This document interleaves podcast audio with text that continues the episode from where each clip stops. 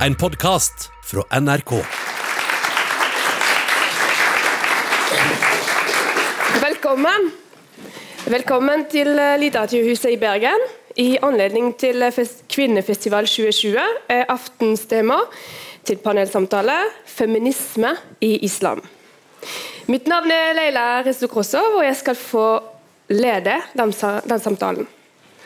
De siste årene har vi sett et uh, kjærkomment til mangfoldet av stemmer i det offentlige ordskiftet om kvinnekamp Feministiske perspektiver på islam er i sterk vekst internasjonalt, så vel som i norske muslimske miljøer. Og det er ikke lenger uvanlig å høre muslimske kvinner uttale seg om politikk og likestilling. Men for mange er det fortsatt vanskelig å forstå at islam og feminisme kan kombineres.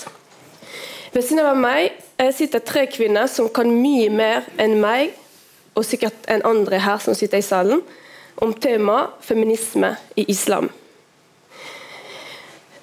Rania Shalal al-Nahi, du er teologistudent og er medstifter til Hikma, huset i Oslo. Og du er utdannet innenfor statsvitenskap, menneskerettigheter og flerkulturell forståelse. Velkommen. Nushin Zairi, du er INLO-leder. INLO står for Innvandrernes landsorganisasjon og du er også samfunnsdebattant her i Bergen. Velkommen.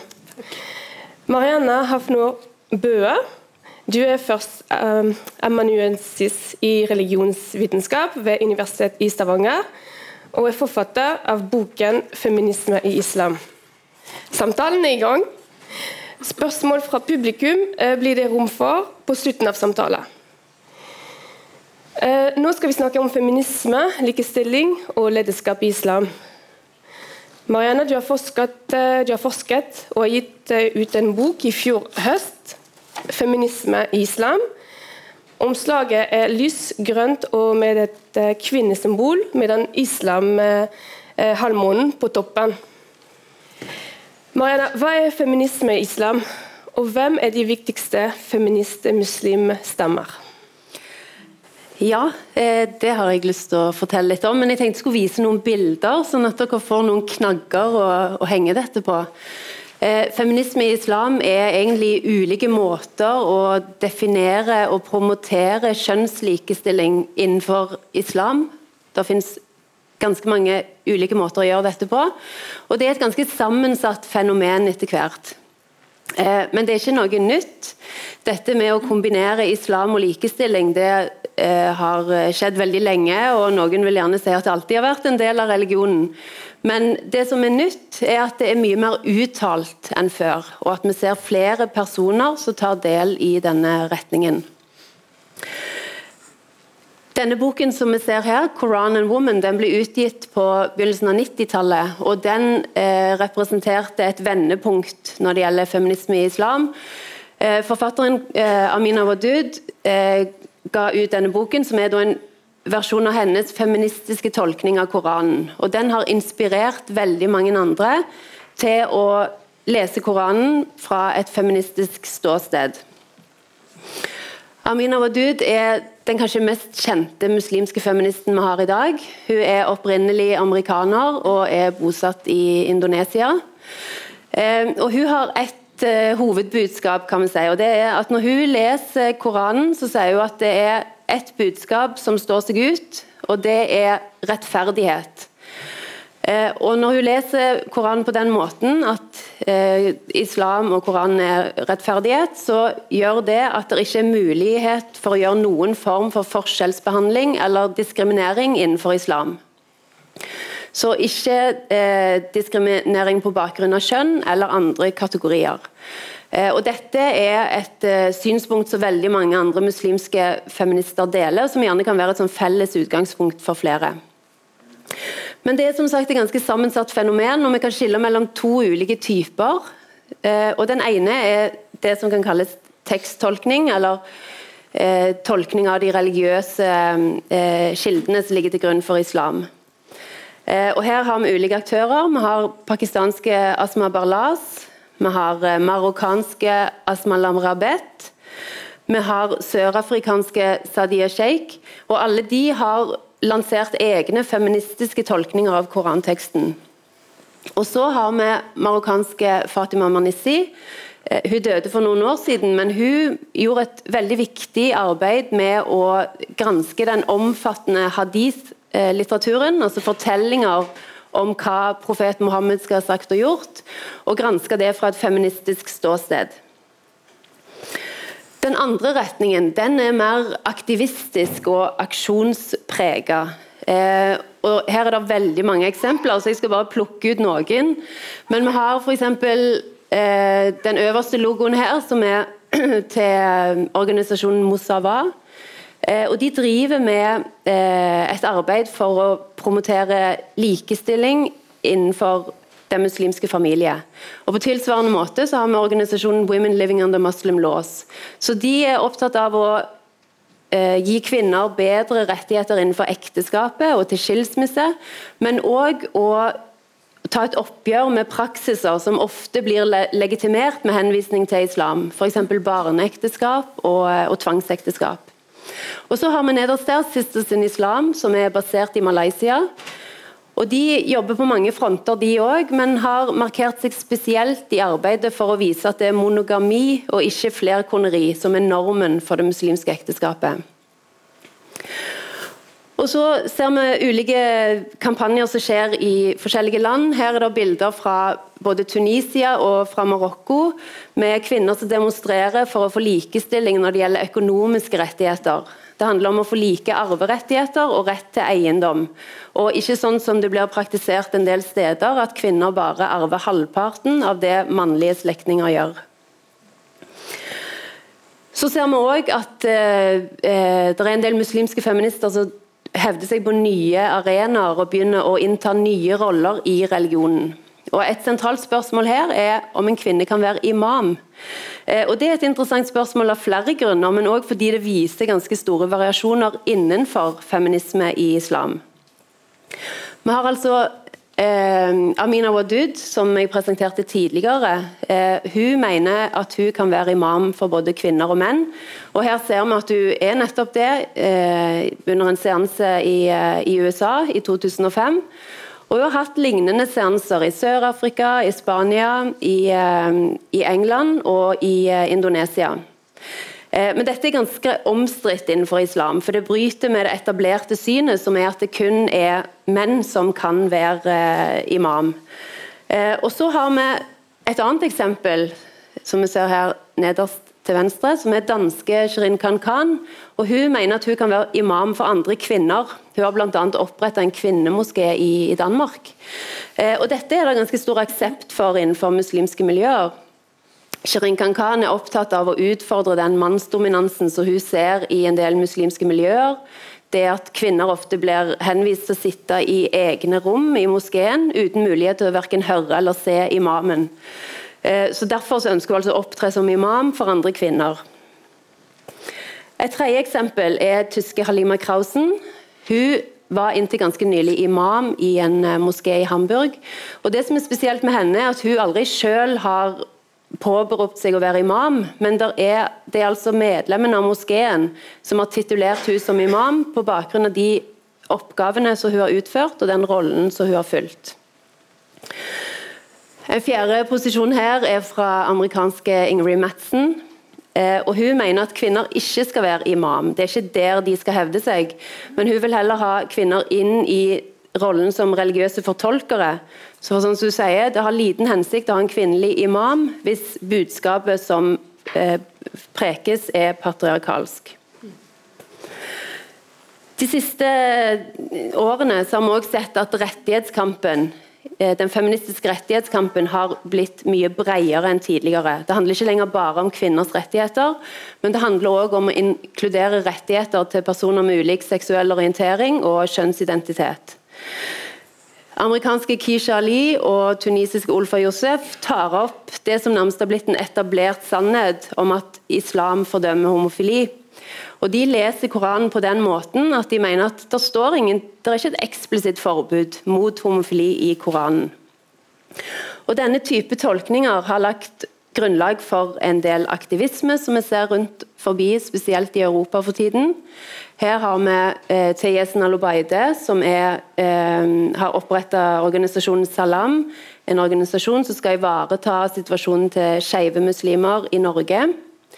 Eh, og Han har òg tatt til orde for å opprette en feministisk og inkluderende moské i Oslo. Denne type moskeer dukker opp flere steder i Europa for tiden. og for Her så ser vi bilder fra eh, Ibn Rushd Goethe-moskeen i Berlin. Og det som er med disse inkluderende moskeene, er at de inkluderer ikke bare menn og kvinner til å sitte sammen og be, men de har òg kvinnelige imamer, de har homofile imamer, de vier likekjønna par, og de vier òg personer fra religiøse blandingsekteskap. Eh, så dette er omstridt innenfor eh, en del muslimske miljøer, men allikevel noe som viser bredden i den feministiske kampen innenfor islam. Så, Et siste tema som jeg vil ta opp, det er spørsmålet trenger islam en seksuell revolusjon. Det har blitt eh, tatt opp bl.a. av Mona El-Tahawi, som vi ser her. Eh, og Hun rette oppmerksomhet mot den skam- og æreskultur som vi mener mange muslimske kvinner blir utsatt for. Og hun har òg eh, oppretta kampanjen Mosk metoo for å vie oppmerksomhet mot den seksuelle trakasseringen som en del kvinner opplever i sine moskeer, men òg når de reiser på, på pilegrimsferd til Mekka f.eks. Så dette er noen eksempler så vi gjerne kan snakke videre om eh, videre i samtalen. Uh, og dette skal vi snakke om uh, etterpå, det med seksualitet og ja. uh, homofili. takk. Og Da har jeg lyst til å spørre deg, Rania. Ja. kan du fortelle oss hvem av disse feministe muslimer som er blitt nevnt nå av Marianne, hvem er de som har inspirert deg mest i å være feminist-muslim? aller først vil jeg jo si at jeg er mamma og mormor. Mm. De er jo mine fremste forbilder. Mm. Ehm, det er vel de som har inspirert meg mest. Jeg pleide å høre på mamma som leste fra Koranen fra jeg var veldig liten, hver eneste dag. Hun gjør det fortsatt. Ehm, og hun har også sagt at, at det bare er for meg å ta plassen min. Bare være der. Du, at jeg aldri må føle meg hindret av mitt kjønn. Det er en av lærdommene til mamma. Det er ingenting i teologien som sier at jeg ikke kan gjøre det. Når jeg tenker på de som Marianne presenterte, så er det jo Ziba Amir Hossein og eh, Amina Wadu, selvfølgelig. For de tolker jo også um, De sier jo også at uh, Koranen i utgangspunktet ikke er kjønnsdiskriminerende, og de vil fjerne den patriarkalske tolkningen, eller de har jo gjort det. Mm. som de mener har um, skyggelagt da, den um, egentlig tolkningen av Koranen. Så det er de. Mm. Uh, du har stått frem i media ja. Uh, det siste. Ja. Uh, og nå har jeg lyst til å referere til et innlegg på NRK i fjor sommer ja.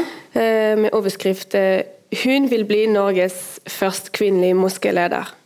Og det var en til, eller et til i Aftenposten med overskrift 'Muslimske kvinner må, må, kreve sin plass'.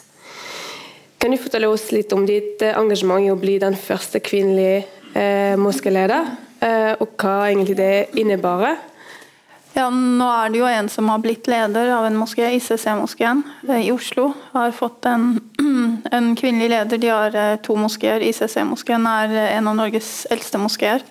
Så de har åpnet opp en, en sånn dattermoské. Og der har de fått en kvinnelig leder nå, mm. før jul. Det er kjempebra. Mm. Um, jeg har jo alltid følt at um, kvinneperspektivet det mangler i moskémiljøet. Så jeg um, har jo tenkt at at kvinner må ta mer plass. De må også kreve plass i styret, plass som leder av en moské at ikke, et kjønn ikke er noe hinder. Så det har vært en ganske lang reise med både opp- og nedturer. Men eh, jeg er glad for å bane vei da, for andre. Og det er veldig mange som har tatt kontakt med meg og sier at de ønsker det, men de føler at uh, moskeen de stagnerer litt. Da. At uh, de føler ikke at det er noe rom for dem i moskeen. Mm. Så derfor må vi fortsette å snakke om det. slik at man kan bane vei for andre og presse litt på. Det. Jeg har tro på holdningsskapende arbeid og dialog og, og liksom konfrontasjon. Og Hva er de viktigste endringene du har lyst til å få til? Hva de viktigste endringene er? Det er å ha flere ledere innenfor moskeen, innenfor styret. eh, Kvinneperspektivet, større rom å be i. Ja. Um, ja, det er vel det. Eh, Moshin Noshin, unnskyld. Hva er ditt eh, perspektiv innen eh, lederskap i islam og eh, likestilling? Jeg tenker jo at kvinner alltid hadde en lederstilling i islam. Det er liksom på en måte ikke noe nytt for meg. Jeg føler jo, jeg må jo bare si at eh, jeg føler når det var profet sin tid, så var det de var mye mer modernisert enn hva vi er i dag. Jeg føler vi går tilbake i tiden. På en måte kvinnes perspektiv og ståsted. Og jeg tror det er veldig viktig å skille mellom kultur og religion. Så kultur har tatt mye mer over. Men de kaller det for islam. Og det er der, det, er den skil, eh, det må vi skille. Så det er veldig viktig det du sier. At vi må ha, sånn som Bergen moské, så har vi kvinnelige Ja, i styret. Fordi at det, det trengs jo også Man kan jo bare ikke bli styrt av menn, for det er jo kvinnes rettigheter også. Det er jo de også må bli hørt og blitt sett. Når Koranen selv har jo en hel vers om Nisa, en hel vers om kvinne. Så hvorfor kan ikke vi ha det i virkeligheten og så praktisere det også? Eh, I det innlegget på NR i NRK eh, det sto, eller du nevnte at kvinneperspektivet eh, Rania, er noe som er fullstendig oversett i saker som skilsmisse, sjelesorg og i daglig drift av eh, moskeene. moskeen. Eh, jeg tror dessuten at temaet som negativ sosial er lettere å bekjempe med kvinner i styret. Og du sa når vi snakket sammen, at du, du nevnte at det er viktig for deg å, å ha en tolkning av tekst uten patriark patriarkalsk ståsted. Eh, ja, det er jo også det um, Amina Wadu og Ziba Amir Hussein også sier, at um, uh, man må uh, tolke det ut fra et likestillingsperspektiv. Det er det også jeg mener feminisme også i islam handler om. Å tolke religiøse tekster ut fra et likestillingsperspektiv, det er kjempeviktig. Og så um, tilbake til um, um, skilsmisse og Ja. Jeg har jo frontet skilsmissekampen i media, og eh, jeg syns at det er veldig vanskelig. Fordi at jeg føler ikke at det er så mange som forstår den kampen. Det går litt på den sosiale statusen til kvinnen. Altså, folk kommer og sier til meg at uh, hvorfor bare skiller du deg ikke? Det er ikke, det er ikke bare å skille seg. Man må gjennom vi, Nå har vi ikke muslimske domstoler, da, eller i Norge, eh, men man må gjennom muslimske domstoler, eller Det er mye vanskelig for en kvinne å få skilsmisse. Og da blir hun hengende litt sånn mellom to stoler. Hvis ikke storsamfunnet forstår henne og moskémiljøet fryser henne ut, så blir kvinnen hengende mellom to stoler. Og jeg kjenner kvinner som har gått 18 år uten å få skilsmisse. Det er veldig lenge. De risikerer å bli tiltalt for bigami hvis de skal reise tilbake til um, opprinnelseslandet sitt f.eks. Derfor er det viktig å ta den kampen nå, fordi at eh, vi har ingen flere kvinner å miste. Og eh, sjelesorg. Altså, da jeg skilte meg, så gikk jeg til en prest og snakket sjelesorg. Vi har ingen som man kan snakke med i moskeen. Jeg kan ikke gå til en mannlig imam, jeg føler meg ikke bekvem med å gå til en mannlig imam og snakke om mine dypeste, innerste følelser. Så jeg snakket med en prest om sjelesorg og sorg og sorgarbeid. Så det perspektivet også ønsker jeg å bringe fram. I, det er jo ikke tradisjonelt i islam å snakke mye om sjelesorg, men eh, man snakker En imam har liksom inntatt den rollen da, å snakke om alt som har med familielivet å gjøre. Så jeg tenker at det er veldig viktig å få på plass kvinneperspektivet. Um, kan du fortelle, fortelle oss litt om ditt arbeid uh, med Hekma? Ja, det kan jeg. Ja. Eh, Det er en nystiftet organisasjon som heter Hikma-huset. og Hikma er arabisk, som betyr visdom. Det skal hete Visdommens hus. Eh, Det skal være en interesseorganisasjon som, som skal bringe fram faktabasert kunnskap, kunnskap om islam. Eh, Fordi vi lever i en sånn eh, tid hvor en veldig polariserende samfunnsdebatt. Eh, hvor det er to motpoler, kan man si, som eh, ikke ønsker å bringe fram kvinneperspektiv. De veldig konservative muslimske organisasjonene. Og så har du de antimuslimske organisasjonene. Så vi ønsker å fylle tommerommet da, med å skape en inkluderende forsamling hvor fellesskap, ritualer som bønn, kunnskap, lære skal være i sentrum. Og med en inkluderende samfunn, så, eh, forsamling, så ønsker vi å bringe fram em, Det er noe som heter All Inclusive Mask fra utlandet. Det er en sånn bølge som går i, eh, rundt i verden, som heter All Inclusive Mask. Em, hvor man i Storbritannia, USA og Canada tror jeg, har sett uh, at man har laget inkluderende moskeer hvor det er rom for kvinner som kan lede bønn, rom, for skeive, rom for eh, mennesker med nedsatt funksjonsevne. Så vi ønsker å lage en sånn forsamling hvor eh, man i fellesskap kan um, snakke om islam, og hvor alle er velkomne. Så uansett trosretning også. Det høres ut som det er kommet langt i utlandet. Men hvor langt er vi kommet i Norge? Med Vi er veldig flinke med dialog i Norge, i, både i moskémiljøer og i kirken og i synagoger, så det liker jeg ved Norge. Jeg har drevet med religionsdialog i over tolv år, og eh, eh, dialog er vi veldig flinke til, og da bør vi bringe den dialogen videre til de utfordringene vi står overfor. Det med kvinneperspektiv, skilsmisse, eh, snakke om seksualitet, skeives rettigheter. Der kommer aktivismen inn. Ja, og nå skal, vi, nå skal Ja. vi snakke om hvor langt vi er kommet i Bergen. Ja. Eh, Nå skal vi snakke om eh, seksualitet, homofili og islam.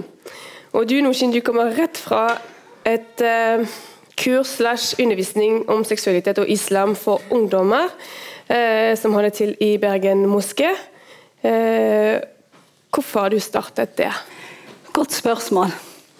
Eh, grunnen til at jeg startet med dette her, er jo eh, rett og slett eh, Det er jo Selve religionen igjen, det er ikke tabubelagt å snakke om det, men det er kulturelt igjen. Og på en måte Hjemme hos meg så kunne jeg aldri snakke om sex. og det var liksom, Sex var noe skittent, det skal ikke vi snakke om. Og Den kunnskap eh, følte jeg at eh, det manglet jeg. Og det er jo liksom på en måte så tenker jeg det påvirker eh, psykisk for en person og ikke de får riktig informasjon og kunnskap fremover livet ditt også. Det er jo liksom sånn når jeg ble gift, så var det liksom sex var noe skitten. Det påvirker. Og det der vil jeg ikke. Så har jo jeg to øh, tenåringer som eh, jo eh, husker min sønn, han, han er 20 nå, og han fikk kjæreste. Så følte jeg at det var veldig viktig at jeg skulle snakke om seksualitet fra islamsk perspektiv. Og som sagt, I vår profet sin tid eh, så var jo det sånn at eh, kvinner til og med gikk og snakket om sitt seksualitet med profeten. Så tenkte jeg vi er 2020 og 2019, hvorfor skal vi snakke om dette her?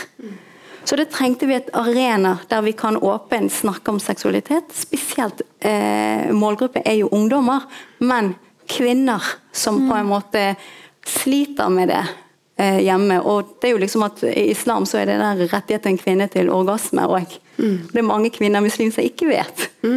Så det er liksom, Vi har kunnskapen der, men vi søker ikke. Vi vet ikke, for vi er så opptatt av den kulturelle. Det, det er veldig sånn tradisjon. Det går fra mor til mor til munn til munn. til munn. Så det var viktig for meg å starte et arena der. Hvor langt eh, har dere kommet, da? Å, vi har kommet veldig langt. det har vi faktisk. Eh, Det er det sånn som du sier. Akkurat nå i dag er det del tre vi har. Vi er på Panorama hotellet. Eh, Del tre. Da har vi invitert eh, 50 ungdommer, faktisk. eh, Med imam. Eh, Og så er det veldig viktig å ha det teologiske perspektiv og det psykologiske perspektiv. Og samfunnsperspektiv. Og du skal se disse ungdommene. Det er så fantastisk. De er så tørste. De spør de relevante og fantastiske spørsmål. Så jeg er akkurat der, så nå jeg blir ferdig, så er jeg igjen tilbake der, og da skal jeg fortsette med Av dette skal vi drive til i morgen. Så vi, jeg, jeg mener at vi i Bergen er den første som har startet med dette. her. -huh. Stolt bergenser.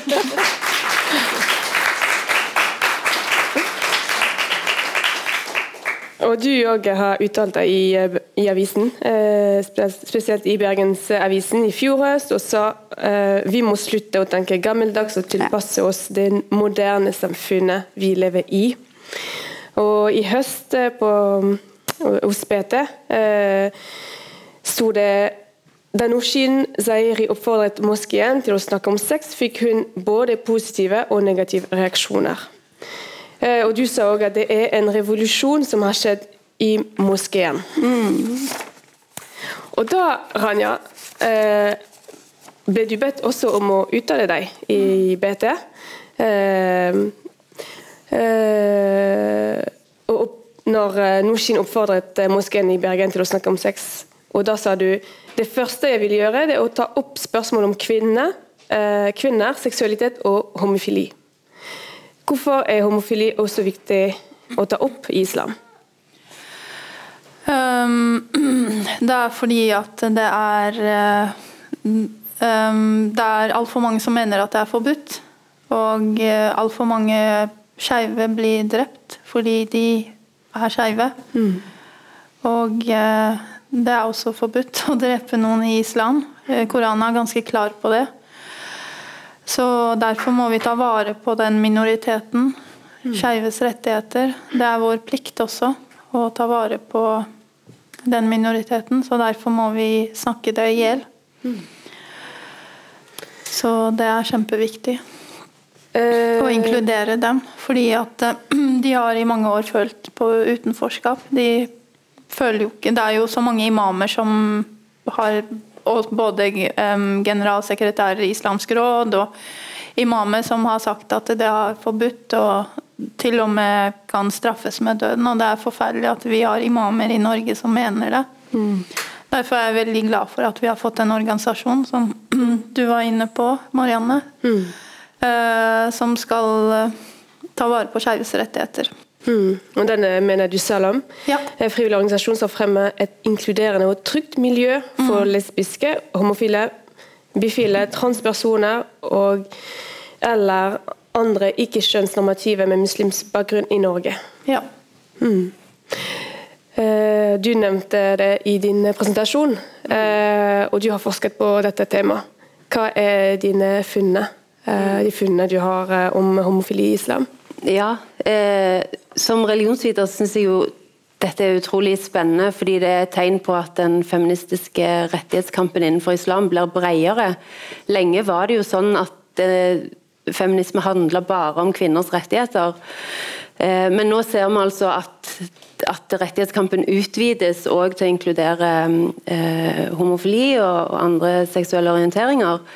Eh, Så det er et sånn viktig bilde på den type endring som skjer. Eh, Og det at det blir et mye mer mangfoldig tema. At det er flere personer, de tar opp ulike spørsmål eh, enn tidligere. Eh, Så, så jeg tenker det, det er det det er tegn på. Og, og synliggjør da at, at det er mulig å lese Koranen på ulike måter når det gjelder bl.a. dette temaet. Um, men det sto i, det sto i boken din, uh, vi snakket litt om det i går. Hvordan, det, hvordan står det i Koranen da? Ja, altså eh, I boken så presenterer jeg jo tolkningene til Kisha Ali og Olfa Josef, som jeg var så vidt inne på her. Eh, og De viser jo til at det der er fortellinger eh, i Koranen som brukes for å, eh, for å legitimere et forbud mot homofili. Men sånn som de leser det, så står det ikke noe svart på hvitt noe sted at homofili er forbudt, eller at dette er noe som, som ikke er akseptert. Så eh, Eh, og De er ikke de eneste som leser Koranen på den måten, men, men det er ikke deres tolkninger som har fått mest gjennomslag eh, innenfor islam. Men, men, det at de nå blir lagt på bordet, og at stadig flere eh, gir oppmerksomhet til den type tolkninger, det, eh, det, det er en interessant utvikling, syns jeg. Mm. Er det noe dere skal ta opp? I, um... Ja, det er faktisk en av uh, si, temaene homofili og lesbisk. For det syns jeg er veldig viktig å snakke om, det spesielt med ungdommer. Mm. Og det er sånn som du sier at eh, først og fremst så, Når man er tenåring og ungdommer, så er jo det nok krise med den der hormonelt og identitet. Og da er jo det veldig viktig å snakke. Men jeg må jo også igjen si at eh, i islam så er menneskeliv det største verdi. Og unnskyld at jeg sier sånn om disse piratimamer som kommer og uttaler seg at vi skal drepe oss, så skjønner jeg ikke Jeg kjenner ikke meg igjen fra noen sted fra Koran sin vers at man skal ta liv, for det er ikke egentlig lov. Mm. Um, nå har jeg lyst til å spørre alle sammen, da. Uh, hvordan det har vært for dere å stå frem um, som dere har gjort nå, og har tatt opp viktige temaer relatert til islam? Ehm, for meg så har det vært både positivt og negativt. Ehm, I starten så var jeg veldig sint, og så søkte jeg kunnskap, og så ble jeg mer kunnskapsrik. Men eh, ja, jeg kan si at jeg har fått 80% positive tilbakemeldinger. 20 eh, negative, så egentlig nesten bare nei, positive tilbakemeldinger, men det, jeg må innrømme at jeg har fått noen trusler og sånt så, som ikke har vært så behagelige. Um, telefonsamtaler um, Folk som har ringt foreldrene mine som koser seg i pensjontilværelsen sin i Spania. Så, mm. ja, som forteller at uh, jeg som en firebarnsmor, som forteller faren min eller moren min at uh, de må legge litt sånn lokk på meg. Jeg er 37 år. Litt sånn Ja. Uh, litt sånn følelse på avmakt, men uh, jeg har Jeg ser positivt på fremtiden. Det er utrolig mange aktivister som jobber liksom bak kulissen, som ønsker flere tolkninger av Koranen og utfordrer de tradisjonelle tolkningene, de patriarkalske tolkningene, og hvordan trossamfunnet ser på skeive kvinneperspektivet, mennesker med nedsatt funksjonsevne. Så jeg heier på framtiden. Mm. Det, har vi, det heier vi òg. Hva med deg, Nushin? Vet du hva, det har vært en veldig tøff reise. Eh, først og fremst eh, jeg syns jo å være kvinne i seg selv er en fantastisk ting. Jeg vil, eh, jeg kom til, Hvis Gud hadde sagt til meg hvis du skal få flere liv, hva du vil, jeg vil si jeg vil være kvinne hver eneste liv. Eh, ja, eh, grunnen at eh, jeg er så stolt, det er kun rett og slett islam som har gjort meg så stolt av å være den kvinnen jeg er. Men når det kommer til ute i samfunnet, og det, så har ikke det vært en lett kamp. Til og med min familie har jo sagt at du kommer til å bli drept en dag, den veien du går. For det er så du, På en måte du berører ting som ingen snakker om. Så har jeg sagt jeg vil heller dø som en løvinne enn en puse. Så det, det, har jeg sagt. Men eh, jeg må jo si at eh, spesielt når jeg har eh, snakket om seksualitet mm. Jeg husker når den første gang Det var faktisk her det startet, alt dette her. Mm. Og det var han imam Karimi Elias, det var han som var her. Så sto jeg der og tok mikrofonen og sa jeg hadde ønsket vi hadde flere sånne imamer som deg som vi kunne ha et arena å snakke om det. Så skrev jeg Beate nå Seire utfordrer imamen i Bergen om å snakke om sex. Så tenkte jeg aha, nå blir jeg utstøttet fra miljøet mitt. For jeg er veldig aktiv i Bergen moské. Det er jeg. Jeg er veldig aktiv der. Positivt så har mine muslimske brødre og imamen tatt med meg med åpne armer. Men samfunnet har ikke gjort det. Eh, da var det sånn at eh, da var jeg som et sexobjekt. Jeg fikk til og med en telefon om å bli med på en pornostjerne. Det, det syns jeg var liksom hmm, pornostjerne. Så hadde den vedkommende sett jeg har lest om deg, jeg har sett, jeg har sett dine bilder på Facebook, og du er potensiell. Så du, fikk, du ble kontaktet ja, for å Ja, jeg ble kontaktet. Eh, jeg må være helt ærlig, jeg kunne ikke fordøye det. Jeg ble veldig sint. Jeg ble veldig, bare for at det er en utenlandsk kvinne som ikke går med hijab, som er muslim, og snakker om sex, Betyr det at hun er lett tilgjengelig, at hun er et sexobjekt? sant? Jeg var så sint irritert, men så lyste det opp for meg. Så tenkte jeg aha, islam har respektert meg, men samfunn har ikke kommet der ennå. Det er det som var for meg, da.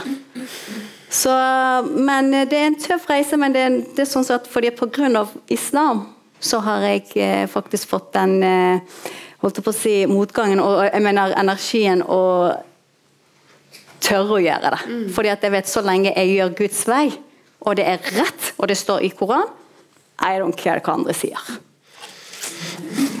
Bra innstilling. Hadde du en replikk? Ja, jeg er veldig enig med deg. Ja. Altså, um, um, vi trenger stor, storsamfunnet med på laget, fordi at um, um, det er så mange som sier at uh, du kjemper en kamp som det ikke går an å vinne. Fordi at islam ikke er forenlig med f.eks. Likestillingskampen eller 8. mars. Så det er veldig viktig å ha med storsamfunnet med på laget, majoritetssamfunnet. Fordi at uh, vi trenger alle med på laget og heier fram sånne kvinner som oss, mm. som ønsker å bane vei. Så um, vil jeg egentlig bare si det. Takk. Vær så god. Hvordan har det vært for deg? Eh, ja, jeg, jeg kommer jo fra et annet ståsted enn en Ranja og da, men, men, det har jo vært litt påfallende at altså Før boken kom ut med denne tittelen 'Feminisme i islam', så ble det ganske mye skriverier i, eh, på nettet, og jeg begynte også å få en del ubehagelige meldinger på Facebook. Eh, hovedsakelig fra personer som mente at eh, dette kan ikke være mulig, at islam og feminisme kan kombineres. Så dette var islamkritiske stemmer, men òg feministkritiske feminist stemmer.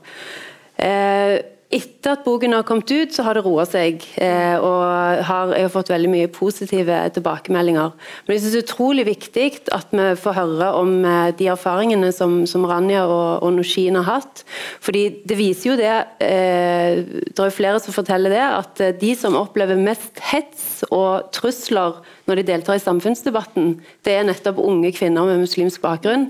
Og det er veldig viktig at alle vet om hvor mye det faktisk koster. Eh, og hva som egentlig står på spill. da. Så Derfor så tenker jeg at eh, ja, jeg heier på dere, men eh, ja, det er viktig å, å løfte det fram. Mm. Uh, og da um, Når vi snakket uh, sammen, uh, og du sa det nettopp, at det, det er derfor, derfor, er det så viktig at vi, vi har det norske store samfunnet på lag, så vi ikke trenger å kjempe den kampen alene.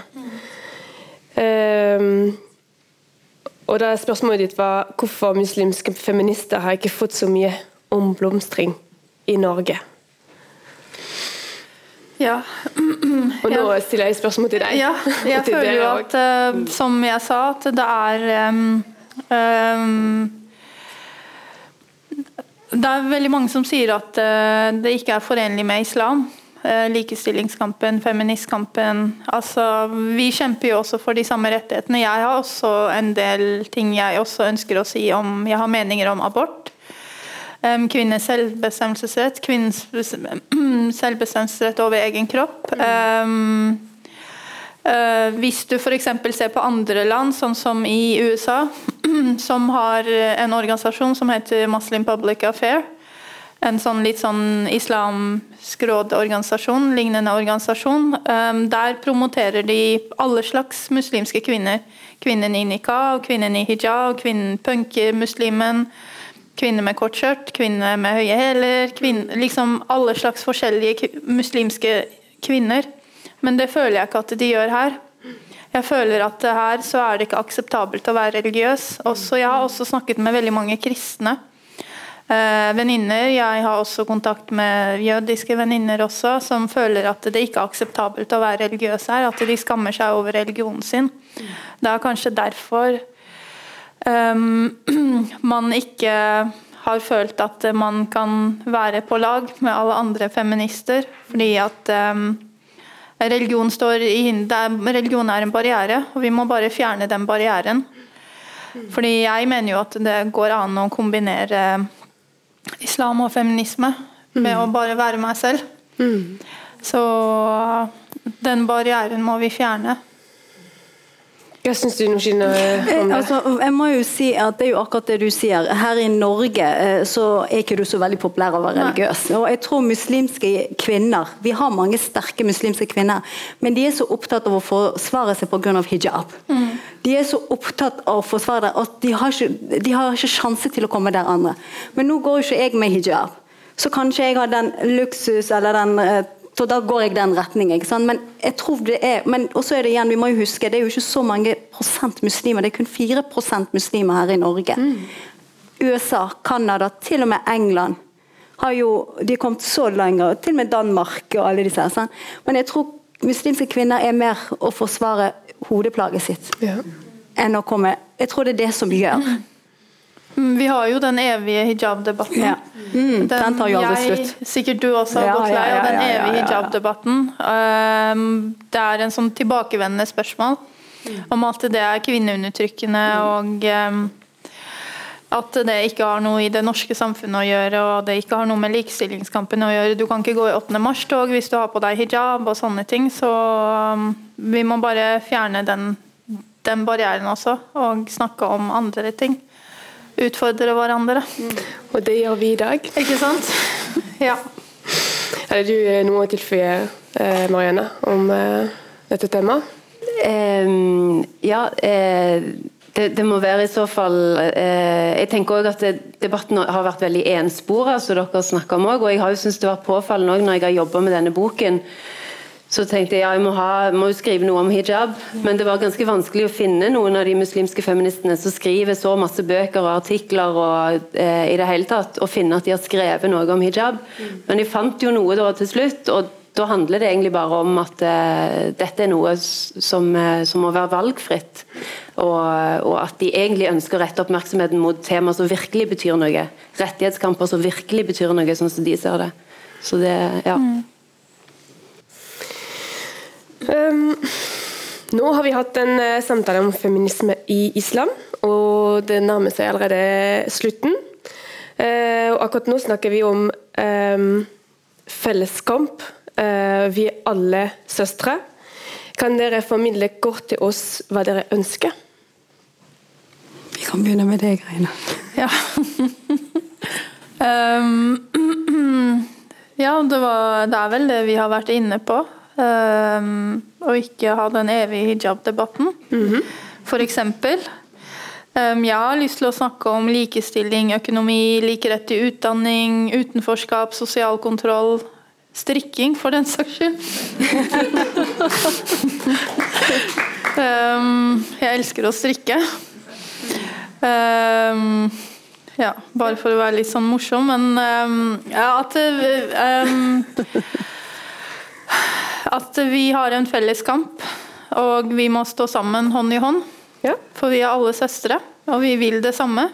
Lik rett til det ene og det andre. Takk, Ranja. Eh, For meg er det sånn at først og fremst at vi alle er mennesker. Sånn, eh, menn og kvinner, alle har rett. Jeg, liker veldig mye å si at eh, vi er like verdt.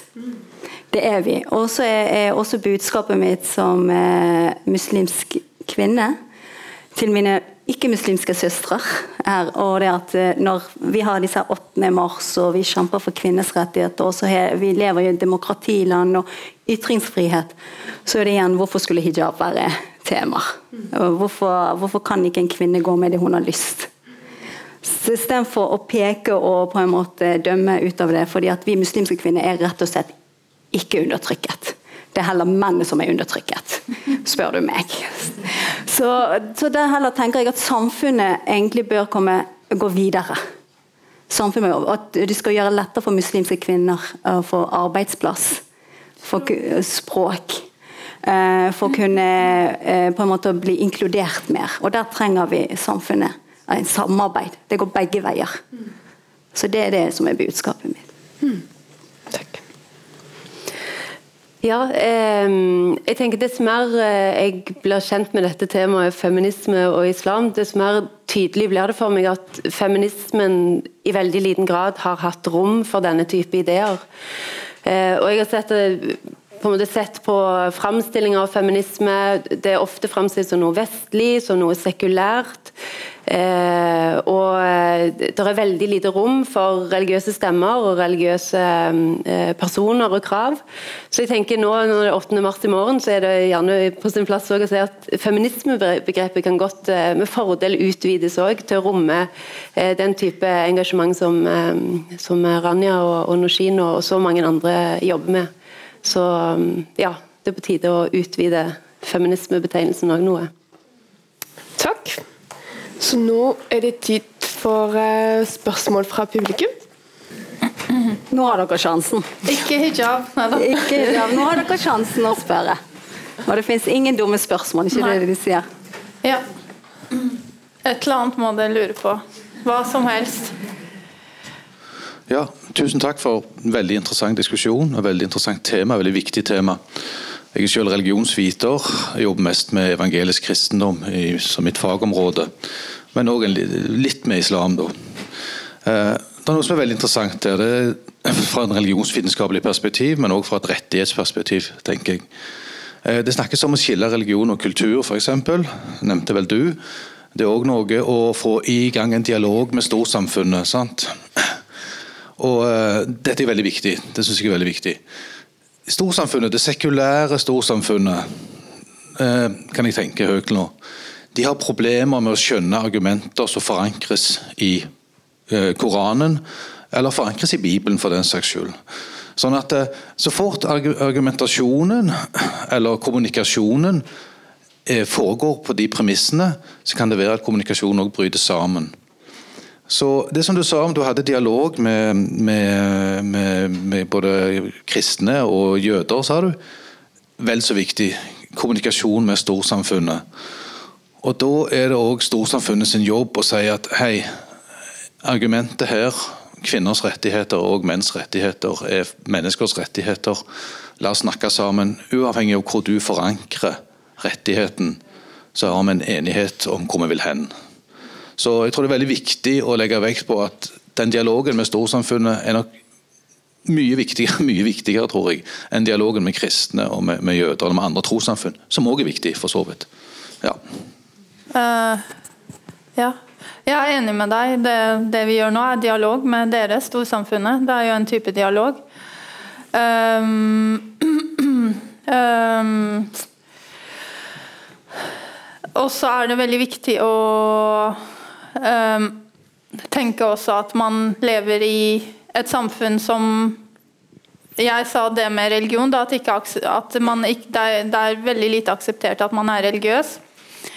Og det har jeg på en måte akseptert. Datteren min på snart 15 år hun skal jo konfirmere seg humanetisk. Det er jo ikke så mange som um, vet det. at uh, Hos oss er det fritt fram og hva, hva slags religion du ønsker å velge. Det er trosfrihet hjemme hos oss.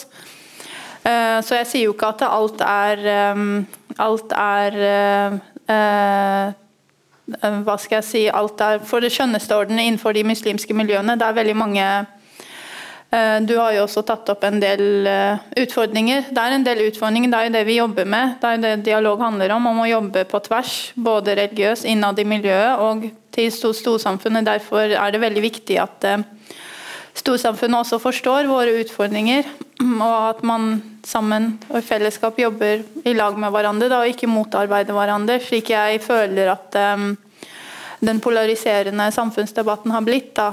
At, uh, som Marianne også sa, at det er altfor mange kvinner med muslimsk bakgrunn som blir utsatt for hets. Og jeg får også, som deg også, veldig mange seksualiserte meldinger på innboksen hver gang jeg skriver en kronikk. Uh, veldig grove også. Jeg har politianmeldt en del. Så det at jeg um, er offentlig med, med, mine meninger, det også setter meg i fare for å få sånne uh, seksualiserte f.eks. Uh, hat- eller tekstmeldinger eller messengermeldinger. Så um, Eh, jeg tenker forståelse også, at man må ha forståelse for hverandres ståsted også. At det er kjempeviktig. Men absolutt, det du sier, det er kjempeviktig. Ja um, Først vil jeg si tusen takk, Norsin. Jeg møtte Norsin på gata for en tid tilbake og så sier du, det er snart kvinnefestival. Kan ikke du få til noe med feminisme i islam? Det gikk tre uker, så var arrangementet kommet. Altså, det er helt fantastisk. Og jeg syns det er så flott at vi nå får et innblikk i den kampen dere står oppe i. Og jeg ser at det er jo en kamp som vi andre norske damene kanskje har gått litt før. Noen av slagene har vi kanskje på en måte vunnet.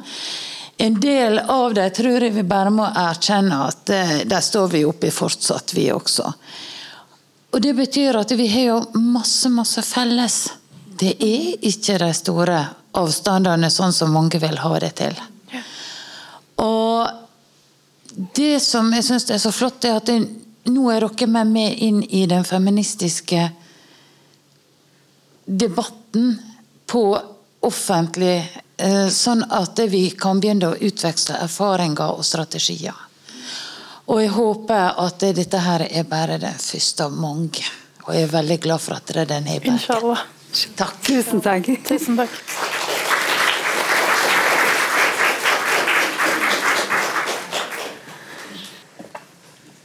Jeg tror vi tar siste spørsmål.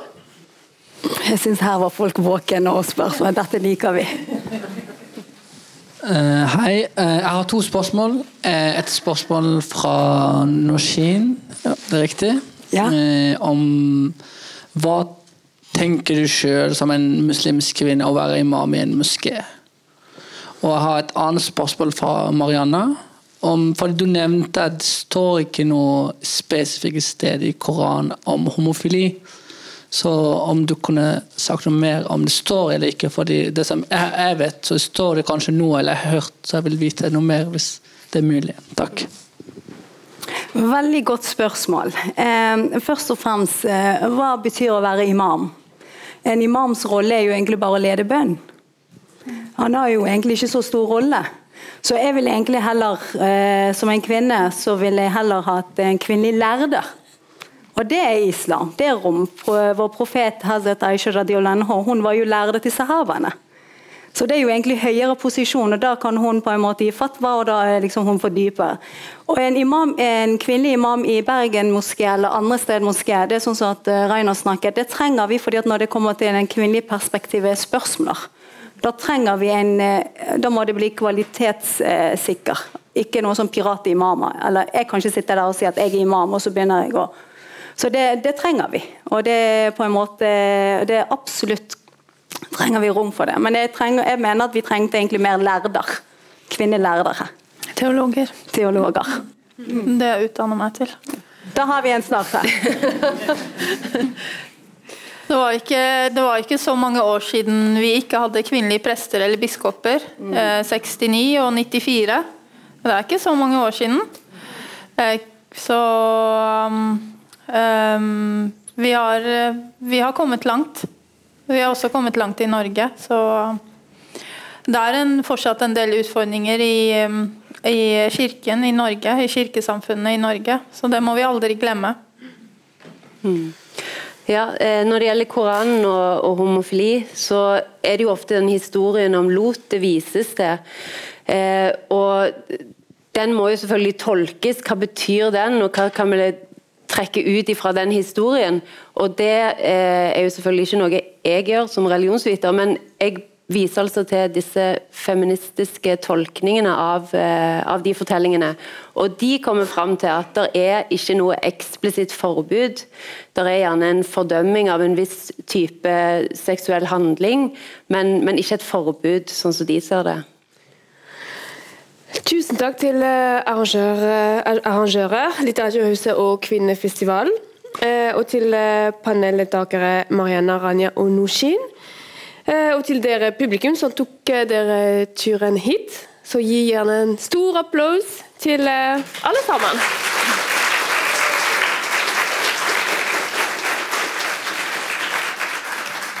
Du har hørt en podkast fra NRK. Hør flere podkaster og din favorittkanal i appen NRK Radio.